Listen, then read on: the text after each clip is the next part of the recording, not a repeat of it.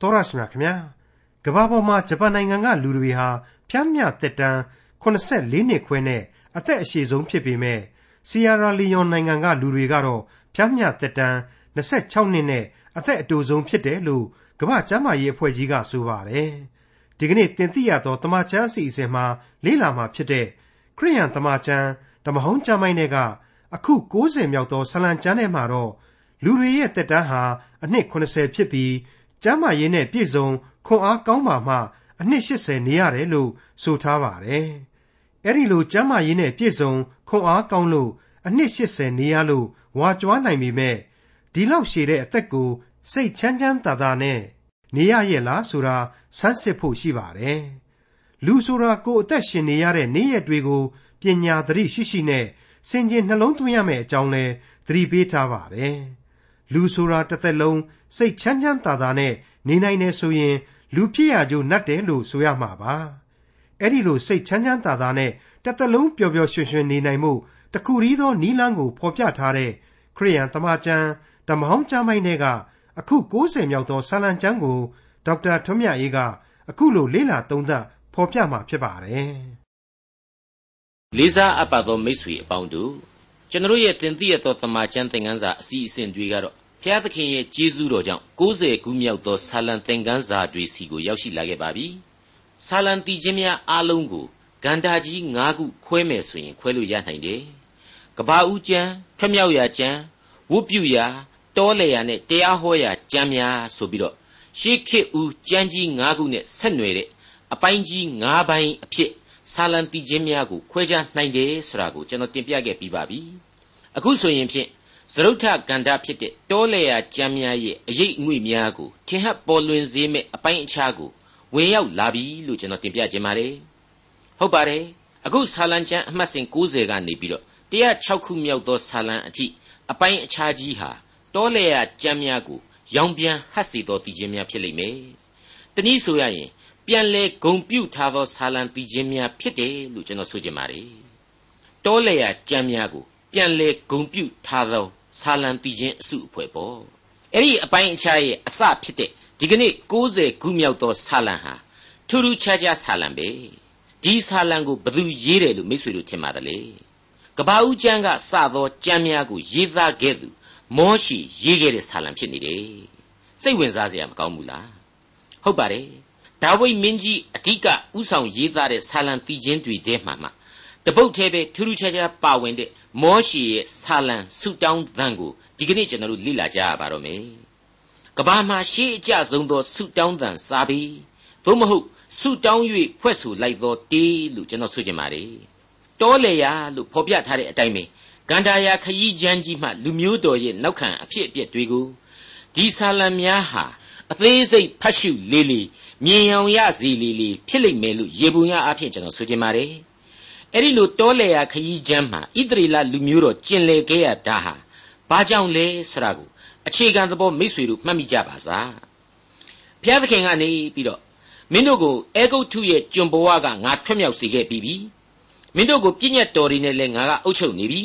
လမ်းပြနေပြီကဲမင်းတို့ဘိုးဘေးတွေကိုဂရိတော်ရှိခဲ့တဲ့အတိုင်းပဲရှေ့မှာခါနန်ပြည်ကိုရောက်ပြီမင်းတို့အဲ့ဒါကိုမြင်ပြီမဟုတ်လားရဲရဲကြီးဝင်ရောက်ကြနေရာယူကြ အဲ့ဒီခါနန်သားတွေကိုတိုက်ခိုက်နှင်ထုတ်ပြစ်ကြတယောက်မှမညာနဲ့ဆိုပြီးတော့အမိန့်မှတ်တယ်အဲ့ဒါကိုတစ်ဖက်လုံးဘုရားသခင်ပြုဘူးသောကျေးဇူးတော်အရေးကမလွတ်နိုင်တဲ့ဣသရီလာတွေဟာဒီအချိန်ကျမှကတိကတ်အမိန့်တော်ကိုချော်တော်ငော့ပြီးတော့နားမခံခဲ့ကြဘူးနားမခံခဲ့ကြဘူးယုံကြည်ခြင်းလည်းအရှင်းမရှိခဲ့ကြဘူးတာဝန်လည်းမယူခဲ့ကြဘူးမကြေခဲ့ကြဘူးကြောက်တယ်တဲ့ခန္ဓာကငနေကြီးတွေကလူဘလူးကြီးတွေကျွန်တော်တို့ကသူတို့နဲ့ရှင်ရင်နှံကောင်ကလေးတွေ အဲ့ဒါကိုသွားတိုက်ခိုက်လို့ရှိရင်ကျွန်တော်တို့သေကုန်ရင်ကျွန်တော်တို့မယားတွေအကုန်မုတ်ဆိုးမဖြစ်ပြီးတော့ကျွန်တော်တို့သားသမီးတွေဖတဆိုးလေးတွေဖြစ်ကုန်အောင်လို့ဘုရားသခင်ကတမင်လှုပ်တာကျွန်တော်တို့မတိုက်နိုင်ဘူးတဲ့အဲ့ဒီလိုဘုရားသခင်ကိုဘူးသွားလှုပ်တယ်စော်ကားတယ်တော်လှန်ပုံကန်တယ်ဘုရားသခင်ခန့်အပ်ထားတဲ့မောရှိကိုလည်းဝိုင်းပြီးတော့ရိုက်မယ်နှက်မယ်တောင်လှုပ်ကြတယ်အဲ့ဒါနဲ့ပဲတလောက်တောင်ငါစကားနားမထောင်တဲ့ဣတရီလခါနန်ကိုမဝင်စေရတော၌သာကျင်လေစီဆိုပြီးတော့ဘုရားသခင်ကအမိန့်ချပစ်လိုက်တာလी တကယ်သိနာဆိုတဲ့တောကြီးမြင့်မဲအလင်မှာထိတ်လန့်အားငယ်ပွေရမျက်စိလဲပြီးတော့38နှစ်တိုင်တိုင်လမ်းပြောက်ခဲ့ရပါလေရောအဲ့ဒီခရီးစဉ်မှာအမှောင်နဲ့မဲမဲဘာမှမသေးခွေသောခရီးစဉ်ပဲဖြစ်တော့ဝန်းနေပွေသောလောကရန်အတွေ့အကြုံတွေကိုရင်ဆိုင်ခဲ့ရတယ်ဆိုတာကိုကျွန်တော်တင်ပြခဲ့ပါတယ်အဲ့ဒီလိုဘုရားသခင်ကိုဆန့်ကျင်သူဣသရေလမျိုးဆက်ယောက်ျားတွေဟာလေအဲ့ဒီတောလေယာခရီးမှာပဲဤအမျိုးစုံနဲ့သေချေပျက်စီးကုန်ခဲ့ရတယ်သူတို့က ပူပန်စိုးရိမ်ပါတယ်ဆိုပြီးတော့အကြောင်းပြခဲ့တယ်သူတို့ရဲ့မိန်းမတွေနဲ့သူတို့ရဲ့သားသမီးတွေကတော့သူတို့ကသာပူပန်နေဘာဆိုဘာမှမဖြစ်ပူပန်စရာဘာဆိုဘာမှမလိုပဲနဲ့ခါနန်ပြည်တဲကိုခြေချဝင်ရောက်တိုင်ခဲ့ကြရတယ်ဆိုတာကိုကျွန်တော်တို့တွေ့ကြရပါတယ်အဲ့ဒီတော့မောရှေဆိုတဲ့ခေါင်းဆောင်ကြီးဟာလူမျိုးတော်ရဲ့နှစ်သန်းနီးပါးခန့်ရှိမယ်လို့ခန့်မှန်းရတဲ့ဘိုးကြီးတို့ရဲ့သေခြင်းတရားတွေကိုမျက်ဝါးထင်ထင်တွေ့မြင်ခဲ့ရသူဖြစ်လိမ့်မယ်အဲ့ဒီအထက်က တသန်းတဲ့မနေသောစစ်တိုက်နိုင်သူအရွယ်တွေရဲ့အတုပတွေကိုသူဟာလက်တွေ့ပို့ဆောင်ပေးခဲ့ရမယ်လူကြီးတယောက်ပေါ့ဖျားသခင်ကအဲ့ဒီစစ်တိုက်နိုင်တဲ့အရွယ်တွေသူ့ကိုအထူးသဖြင့်ဘူးဂလန့်လောက်ခဲ့တဲ့လူတွေကိုအကုန်လုံးသေချေပျက်စီးစေခဲ့တယ်မဟုတ်ဘူးလားအခုမောရှေကိုယ်တိုင်ဆက်ဆိုမဲ့ဆာလံတီချင်းမှာကတော့သူ့ရဲ့အခုတောလဲရဘဝဆိုင်ရာဆာလံတီချင်းဖြစ်နေလေတော့ အဲ့ဒီသေခြင်းတရားမြင်ကွင်းများအပေါ်မှာအများကြီးအခြေခံမှအသေးအချာပဲလို့ကျွန်တော်ဆိုချင်ပါတယ်မာတင်လူသာဆိုတဲ့သာသနာခေါင်းဆောင်ကြီးရဲ့ဖော်ပြချက်မှာအခုဆာလံတီချင်းနဲ့ပတ်သက်ပြီးတော့အတော်စိတ်ဝင်စားစရာကောင်းပါတယ်မာတင်လူသာအခုလိုပြောတယ်မောရှေဟာပြည့်ညတ်တော်များကိုဘုရားသခင်ကိုစားချထားပေးတဲ့နေ့အတိုင်းပဲဒီဆာလံတီချင်းကိုလည်းလူသမိုင်းအတွက်ချထားပေးခဲ့တယ်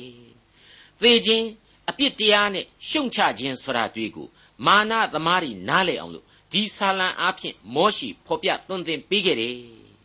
အဲ့ဒီလိုမာတင်လူသာမှတ်ချက်ချခဲ့ပါတယ်ဘလောက်ကြည့်မှန်ကန်ခြင်းရှိမရှိဆိုတာကိုတော့ကျွန်တော်တို့တူးချင်းအကဲဖြတ်သွားကြရမှာပါစလိုက်ကြပါစို့ရဲ့60ခုမြောက်သောဆာလံဖျားသခင်ဤလူမောရှိပြုသောပထနာအငယ်1နဲ့2အိုဖျားရှင်ကိုတော်သည်ကာလအစဉ်အဆက်အကျွန်ုပ်တို့ခိုလွန်ရာဖြစ်တော်မူ၏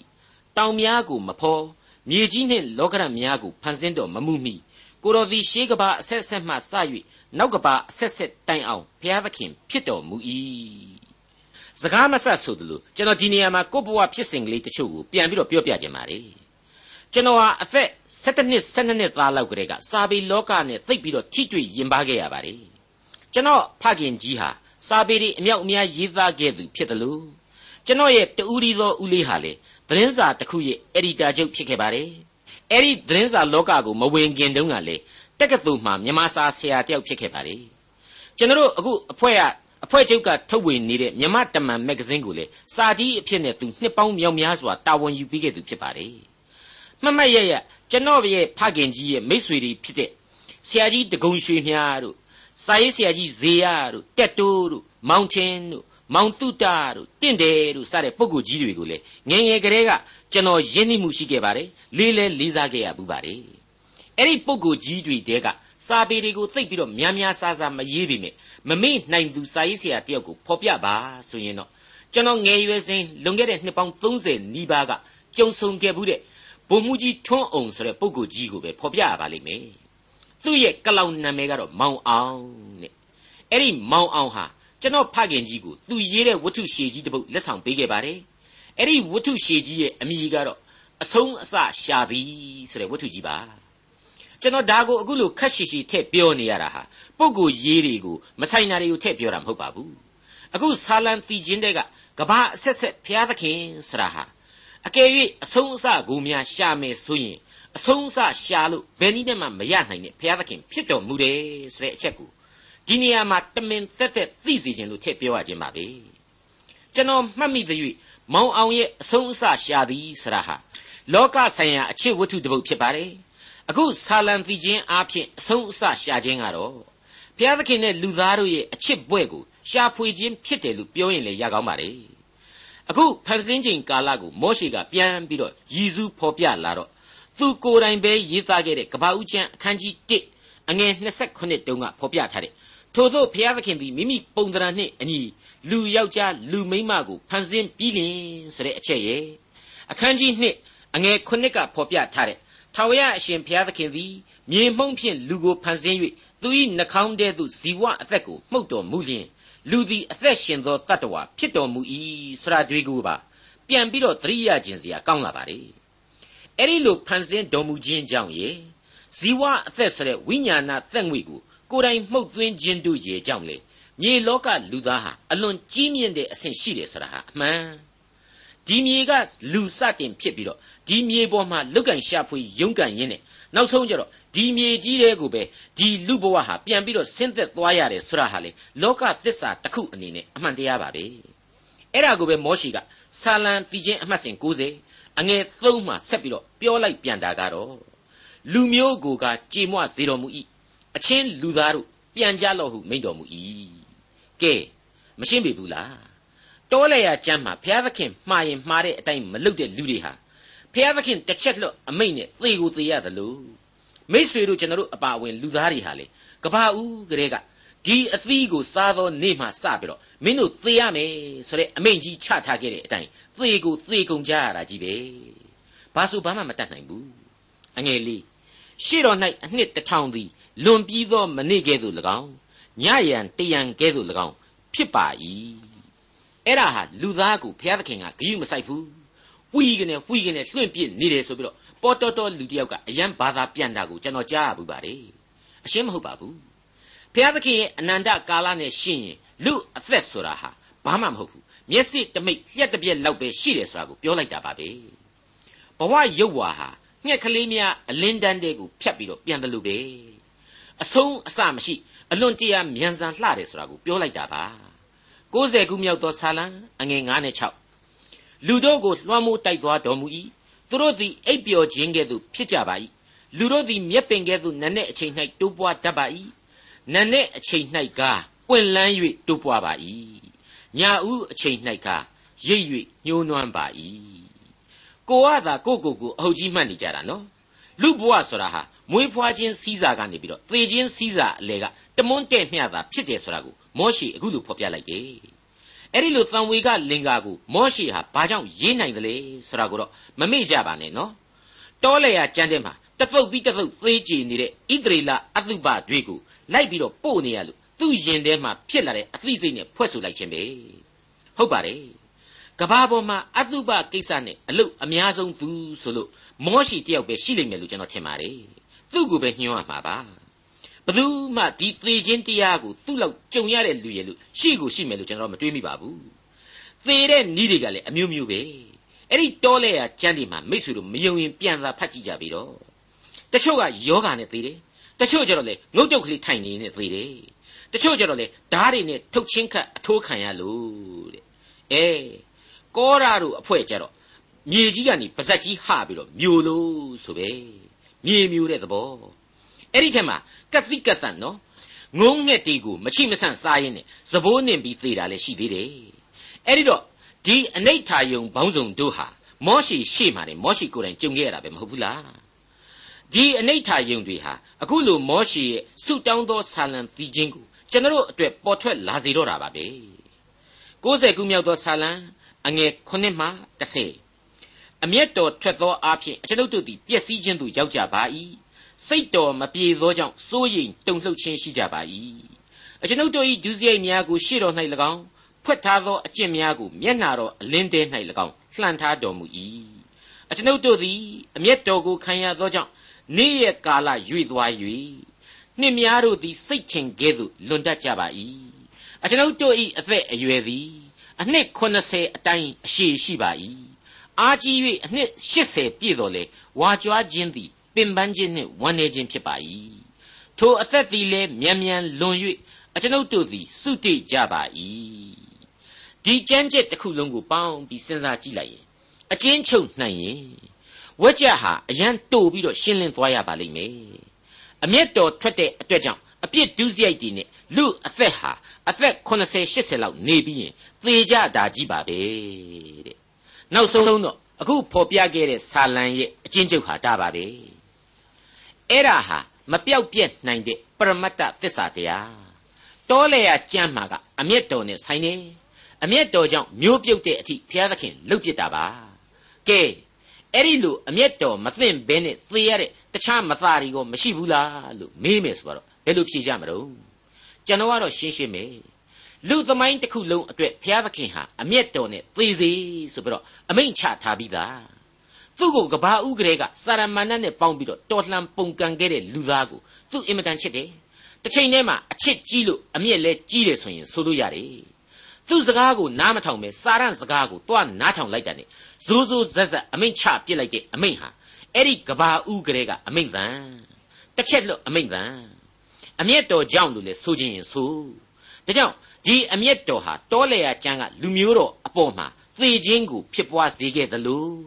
ကျွန်တော်မိษွေတို့လူသားတိုင်းအပေါ်မှာလေသေခြင်းတရားကိုမလွဲဧကံဖြစ်ကိုဖြစ်စေရမှာအမှန်ပဲဟုတ်ပါတယ်အဲ့ဒီအမိန့်တန်ကိုတစ်ချက်ကလေးပြန်ပြီးနားထောင်ကြည့်ကြပါကဘာဦးကျမ်းအခန်းကြီး3အငယ်16မှာအနှစ်ချုပ်ဖြစ်ပါဝင်ပါတယ်သင်ထွက်ရမြေသို့မပြတ်မီတိုင်အောင် သင်၏မျက်နှာမှချွေးထွက်လျက်အစာကိုစားရမည်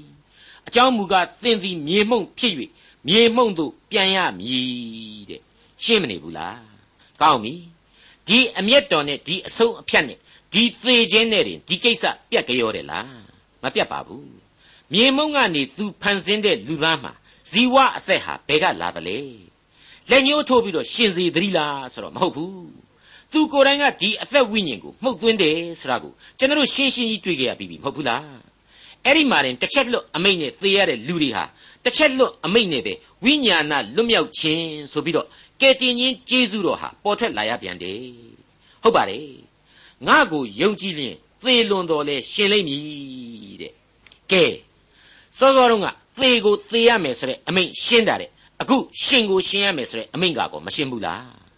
ရှင်ယောဟန်ခရစ်ဝင်ကျမ်းအခန်းကြီး7အငယ်24မှာငါအမှန်အကန်ဆိုသည်က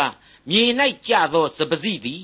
မပြက်လျင်တခုတည်းနေ၏ပြက်လျင်မူကားများစွာသောအသီးကိုတိတတ်၏တဲ့အဲ့ဒီတော့ဆွေးမြေ့ပြက်သုံးလူဏီကုံကိုဆုံးပြီးအပြတ်မသတ်မှတ်လင်မြင့်မြတ်သာဝရအသက်ဆ၍နိုးထဝိညာဉ်ခရီးစဉ်ဟုမျော်မြင်အားဖြင့်သေခြင်းနေ့တွေလှမ်း၍ပြင်ဆင်ထားရမည်ဆိုပြီးတော့ သေခြင်းတရားကိုကျွန်တော်မခံယူတတ်ဘူးလား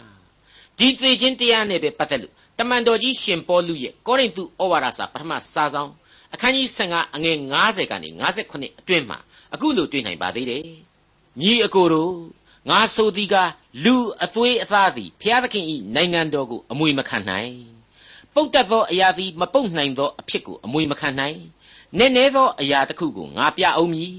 ငါတို့ရှိသမျှသည်အိပ်ပျော်ရကြမည်မဟုတ် သို့တော်လည်းနောက်ဆုံးသောတဘိုးမှုတ်သောအခါတခဏချင်းတွင်မျက်စိတမိတ်၌ငါတို့ရှိသမျှသည်ပြောင်းလဲခြင်းသို့ရောက်ရကြမည်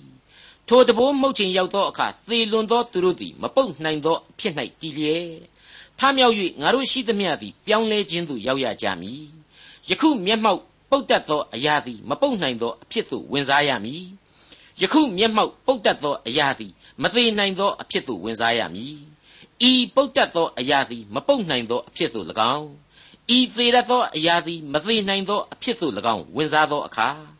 သေခြင်းသည်အောင်ခြင်း၌နစ်မြုပ်ပြီဟုကျမ်းစာ၌လာချက်ပြည့်စုံလိမ့်မည်။အိုးသေမင်းသင်လက်နက်သည်အဘယ်မှရှိသနည်း။အိုမရဏနိုင်ငံသင်၏အောင်မြင်ခြင်းသည်အဘယ်မှရှိသနည်း။သေမင်း၏လက်နက်ကဒုစရိုက်ပေသည်။ဒုစရိုက်အပြစ်၏တကိုးကပြည့်ညတ်တရားပေသည်။ ငါတို့သခင်ယေရှုခရစ်အားဖြင့်ငါတို့အားအောင်ခြင်းအခွင့်ကိုပေးတော်မူသောဘုရားသခင်၏ကျေးဇူးတော်သည်ကြီးလှစွာတကားမိษွေတော်တတ်ရှင်အပေါင်းတို့ခမညာသေခြင်းဆင်းရဲဆိုတာကတော့မလွဲမသွေရောက်လာမယ့်အမှုသာဖြစ်တယ်အမျက်တော်ကြောင့်တီကိုတီခဲ့ရတဲ့အမိန်လို့ကျွန်တော်ခံယူနားလည်ထားကြရပါလိမ့်မယ်ဒါပေမဲ့အဲ့ဒီအမျက်တော်တဲ့ပို၍ထင်ရှားနေတာကတော့သာဝရအသက်လမ်းကိုပို့ဆောင်ပေးတော်မူတဲ့ ကယ်တင်ရှင်သခင်ခရစ်တော်ရဲ့ကယ်တင်တော်မူခြင်းကျေးဇူးတော်ပဲဖြစ်ပါတယ်60ခုမြောက်သောဆာလံအငယ်7နဲ့7အမျက်တော်အရှိန်ကိုအဘယ်သူသိပါသနည်းအမျက်ထွက်တော်မူခြင်းကိုကြောက်ရွံ့သင့်သည့်အတိုင်းအဘယ်သူကြောက်ရွံ့ပါသနည်းအကျွန်ုပ်တို့သည်ပညာတရားကိုနှလုံးသွင်းမိမိအကြောင်းကိုနေ့ရဲ့ကာလကိုရေတွက်နိုင်စေခြင်းဟာသွန်သင်တော်မူပါအဲ့ဒီအပိုင်းဟာသင်္ခါရတရားဆိုတာကိုသီးသန့်ခေါင်းစဉ်တက်ပြီးတော့ဟောပြောနေတဲ့ လူလောကမှာဘာမှမဆန်းတဲ့အရာကိုဖော်ပြလိုက်ခြင်းတက်တက်တာဖြစ်တယ်လို့ကျွန်တော်ထင်ပါတယ်ဟုတ်ပါတယ်လူသားတွေဟာဘုရားသခင်မရှိဘူးလို့တောင်မှမိုက်မဲစွာထင်မှတ်နေကြပြီဆိုကြတဲ့ကအမျက်တော်အရှိန်ကိုမသိကြဘူးကြောက်ရွံ့သင်သည်အတိုင်းလည်းမကြောက်ရွံ့နိုင်ကြဘူးဒါကြောင့်လဲသင်္ခါရတရားကိုဟောပြောပေးနေရခြင်းသာဖြစ်တယ်အစဉ်သာဝရတရားကိုပါဆက်လက်ဟောပြောပေးနေရတာပဲဖြစ်တယ်ဟုတ်ပါတယ်သင်္ခါရတရားဆိုတာဟာကြောက်စရာ ကြက်သိမ်းမွေးညင်းထစရာတရားလို့ရေပုံရအားဖြင့်ကျွန်တော်တို့သတ်မှတ်နိုင်ပါတယ်မြေကြီးနဲ့မြေကြီးသားတို့ကိုပိုင်သတဲ့ဖျားလောကရနှင့်လောကသားတို့ကိုပိုင်သတော်မူတဲ့ဘုရားသခင်ကနေပြီးတော့သူ့ရဲ့အမျက်တော်ကနေတဆင့်ဖြစ်ပေါ်စေတဲ့ဒီတရားဟာဘယ်လို့မှပျော်စရာမဖြစ်နိုင်ပါဘူးရေမောစရာနှစ်သက်စရာလည်းမဖြစ်နိုင်ပါဘူးကျွန်တော်ဟာကျွန်တော်ရဲ့ဖေဖေကိုသူမသေးခင်တလလောက်အချိန်မှမေးခဲ့ဘူးပါတယ်ဖေဖေသေရမှာကြောက်သလားဆိုတဲ့မိကွန်းပေါ့ ဖေဖေကအဲ့ဒီအချိန်မှနေလို့ကောင်းနေစေဖြစ်ပါတယ်ပက်လက်ကလထိုင်ကြီးတစ်လုံးမှာထိုင်ပြီးတော့စဉ်းစားရင်းနဲ့ကြောက်တယ်ဆိုတာကို तू လုံးဝမပြောပါဘူးသားရည်အခုသင်္ချိုင်းကုန်းကဂူတွေအောက်ကရောက်ကုန်တဲ့လူတွေကိုမင်းသွားပြီးတော့မြန်မေးနိုင်မယ်ဆိုရင်တော့အဲ့ဒီလူတွေအကုန်လုံးဟာငါတို့ရောက်ချင်လို့ရောက်လာကြတာမဟုတ်ပါဘူးကွာဖျားသခင်ခေါ်လို့လိုက်သွားရတာကြီးပါပဲဆိုပြီးတော့ဖြေပါလိမ့်မယ်တဲ့ကျွန်တော်ဖခင်ကြီးကအဲ့လိုကျွန်တော်ကိုပြန်ပြီးတော့ပြောပါတယ် ကျွန်တော်ခုထိဒီအသံကိုကြားရောက်နေသေးပါဖေဖေဟာလည်းဖြစ်နိုင်ရင်မသေးချင်ပါဘူးဒါပေမဲ့သူဟာဘိုးဘေးတို့ရဲ့လမ်းကြောင်းအတိုင်းအချိန်တန်လာတော့ကျွန်တော်နဲ့အဲ့ဒီလိုစကားပြောပြီးတော့နောက်တလအချိန်မှကောက်ခါငင်ကကွယ်လွန်သွားခဲ့ရရှာပါတယ်အဲ့ဒီတော့လူသားတို့မလိုချင်တဲ့အရာကိုလူသားတို့ဟာယူကိုယူကြရတယ်အဲ့ဒါဟာသင်္ခါရတစ်ချိန်တည်းမှာပဲဂျေဇုနဲ့ဂယုနာတော်ကြောင့်ရယူနိုင်ပြန်တာကတော့ရှင်သန်ခြင်းပဲအစဉ်သာဝရတရားဖြစ်သွားပြီ ဒီရှင်သန်ခြင်းနဲ့ဒီသာဝရတရားကြတော့သင်္ခါရဒုံကလို့မယူမနေရရင်ဆိုင်ရတာမျိုးမဟုတ်တော့ဘူးကိုကယူတတ်မှရမယ်ဘုရားသခင်သတ်မှတ်ထားတဲ့အချက်တွေကိုလိုက်နာကြရမယ်အဲ့ဒီအချက်တွေဟာကိုခက်ခက်ခဲခဲကြီးတွေလားဆိုတော့လည်းမဟုတ်ပြန်ပါဘူးခရစ်တော်ကိုလက်ခံခြင်းယုံကြည်ခြင်းဆိုတဲ့အချက်တွေဖြစ်တယ်။တန်ရှင်းသောဝိညာဉ်တော်၌အသစ်မွေးဖွားမှုကိုခံယူခြင်းဖြစ်တယ်။သိပြီးတော့ခက်ခက်ခဲခဲကြီးမဟုတ်လားဘူး။အထူးသဖြင့် အမျက်တော်ထွက်ခြင်းကိုကြောက်ရွံ့တတ်သောလူသင်္ခါရတရားကိုကြောက်ရွံ့တတ်သောလူတွေအတွက်ဆိုရင်စိစိစဉ်းစားလေလိုက်နာရမှာလွယ်ကူခြင်းရှိလေလေပဲလို့ကျွန်တော်ဆိုချင်တဲ့တရားဖြစ်ပါတယ်။မိတ်ဆွေတော်တတ်ရှင်အပေါင်းတို့ခမညာ60ခုမြောက်သောဆာလံရဲ့အငယ်73မှ78အဆုံးအထိကိုဆက်လက်တင်ပြသွားပါရစေ။အိုးထာဝရဖျားပြန်လာတော်မူပါအဘယ်မျှလောက်ကြာရပါမည်နီကိုတော်ဤကျွန်တို့အတွက်နာကျင်သောစိတ်ရှိတော်မူပါ အကျွန်ုပ်တို့ကိုဂယုနာတော်နှင့်အလျင်အမြန်ရောင်ရဲစေတော်မူပါတို့ပြုလျင်တစ်သက်လုံးဝမ်းမြောက်ရွှင်လန်းကြပါလိမ့်မည်အကျွန်ုပ်တို့ကိုညှင်းဆဲတော်မူသောနေ့ရဲ့ကာလဒုက္ခခံရခဲ့ပြီးသောနှစ်ပေါင်းများသည့်အတိုင်းဝမ်းမြောက်ရသောအခွင့်ကိုပေးသနာတော်မူပါအမှုတော်သည်ကိုတော်ဤကျွန်တို့အား၎င်းဘုန်းတော်သည်သားမြေတို့အား၎င်းထင်ရှားပါစေသောအကျွန်ုပ်တို့ဤဘုရားသခင်ထာဝရဘုရားဤကျေးဇူးတော်သည်အကျွန်ုပ်တို့အပေါ်သို့သက်ရောက်ပါစေသော အကျွန်ုပ်တို့ပြုသောအမှုတို့ကိုလည်းအကျွန်ုပ်တို့အဖို့မြဲမြံစေတော်မူပါဆာလံဆရာကြီးမောရှိရဲ့အသနာခံတော်မူခြင်းတို့ဟာဘလောက်အထိပြောင်မြောက်ခဲ့တယ်ဂန္ဓဝင်မြောက်စီသည့်အထိမမေ့နိုင်လောက်အောင်ရှိခဲ့တယ်ဆိုတာတွေ့ကိုထွက်မြောက်ရာကြမ်းမှတုန်းကကျွန်တော်တခါပြောခဲ့ပြီးပါပြီမောရှိမင်းလူတွေကတော့မင်းသိနာတောင်ပေါ်တက်နေတော့ငါ့ကိုတော်လှန်ပုန်ကန်ပြီးတော့နွားရုပ်ကိုရှ िख ိုးနေကြပြီ ဒါကြောင့်မလို့ဒီလူမျိုးကိုငါအကုန်သတ်မယ်မင်းကနေပြီးတော့အာဗြဟံလိုလူမျိုးကြီးအသက်ထပ်ပြီးတော့ဖြစ်ပွားစေမယ်ဆိုပြီးတော့ဒေါသတွေအကြီးအကျယ်ထွက်တဲ့ဘုရားသခင်စီမှာအသက်ကိုဖက်နဲ့ထုတ်ပြီးတော့ဆူတောင်းပေးခဲ့ပါတယ်အမှတ်တရဒီအကြောင်းလေးကိုပြန်ပြီးတော့နားဆင်ကြည့်ကြပါဦးထွမြောက်ရာကျမ်းအခန်းကြီး32အငယ်7မှ14အတွင်းမှာအခုလိုတွေ့ရပါတယ်မောရှေကလည်းအိုးထာဝရဖေဟာကိုတော်သည်မဟာတကိုးအားကြီးသောကြောင့် အေဂုတ်ထုပြည်မှနှုတ်ဆောင်ခဲ့သောကိုတော်၏လူတို့ကိုအဘယ်ကြောင့်အမျက်ပြင်းစွာထွက်တော်မူသနည်းအေဂုတ်ထုလူတို့ကလည်းဘုရားသခင်သည်မကောင်းသောအကြံရှိသဖြင့်သူတို့ကိုတောတောင်များ၌သတ်၍မြေကြီးပေါ်ကသုတ်သင်ပယ်ရှင်းခြင်းအလိုငှာသာနှုတ်ဆောင်လေသည်ဟုအဘယ်ကြောင့်ဆိုပွဲအကြောင်းရှိရပါမည်နည်းပြင်းစွာသောအမျက်တော်ကိုပယ်တော်မူပါကိုရောဤလူတို့၌ဤအပြစ်ပေးမိအကြံကိုနောင်တရတော်မူပါကိုရောကသင်၏အမျိုးအနွယ်ကိုကောင်းကျင်ကျဲကဲ့သို့ငါများပြားစေမည် ငါပြောခဲ့သောဤမြေရှိသမျှကိုသင်တို့အမျိုးအနွယ်အားငါပေးသဖြင့်သူတို့သည်အစဉ်အမြဲအမွေခံရကြလိမ့်မည်ဟုကိုကိုကိုတိုင်တီး၍ကျိန်ဆိုတော်မူသောစကားကိုခံခဲ့ပြီးသောကိုရောဤကျွန်အာဗြဟံဣဇက်ဣသရီလာတို့ကိုအောက်မေ့တော်မူပါဟုမိမိဘုရားသခင်ထာဝရဘုရားရှိတော်၌တောင်းပန်လေ၏ထာဝရဘုရားသည်မိမိလူတို့အားအပြစ်ပေးမိအကြံကိုနောင်တရတော်မူ၏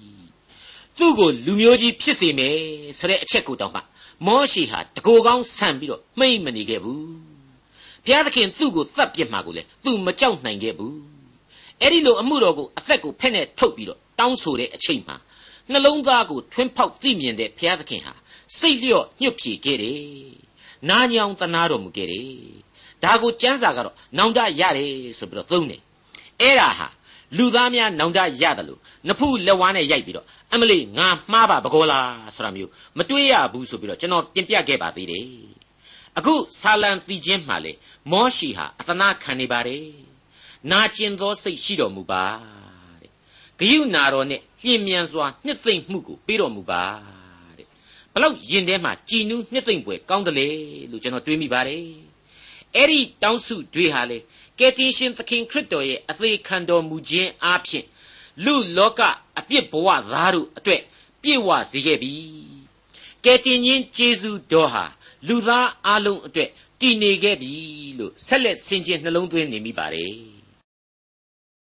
ဒေါက်တာထွန်းမြတ်ရေးစီစဉ်တင်ဆက်တဲ့တင်ပြတော်တမချန်းအစီအစဉ်ဖြစ်ပါတယ်နောက်တစ်ချိန်အစီအစဉ်မှာခရိယန်တမချန်းဓမ္မဟောင်းကျမ်းပိုင်းမှာပါရှိတဲ့60ခုမြောက်သောဆာလံကျမ်းနဲ့ 62ခုမြောက်သောဆာလံကျမ်းတို့ကိုလေ့လာမှဖြစ်တဲ့အတွက်စောင့်မျှော်နားဆင်နိုင်ပါတယ်။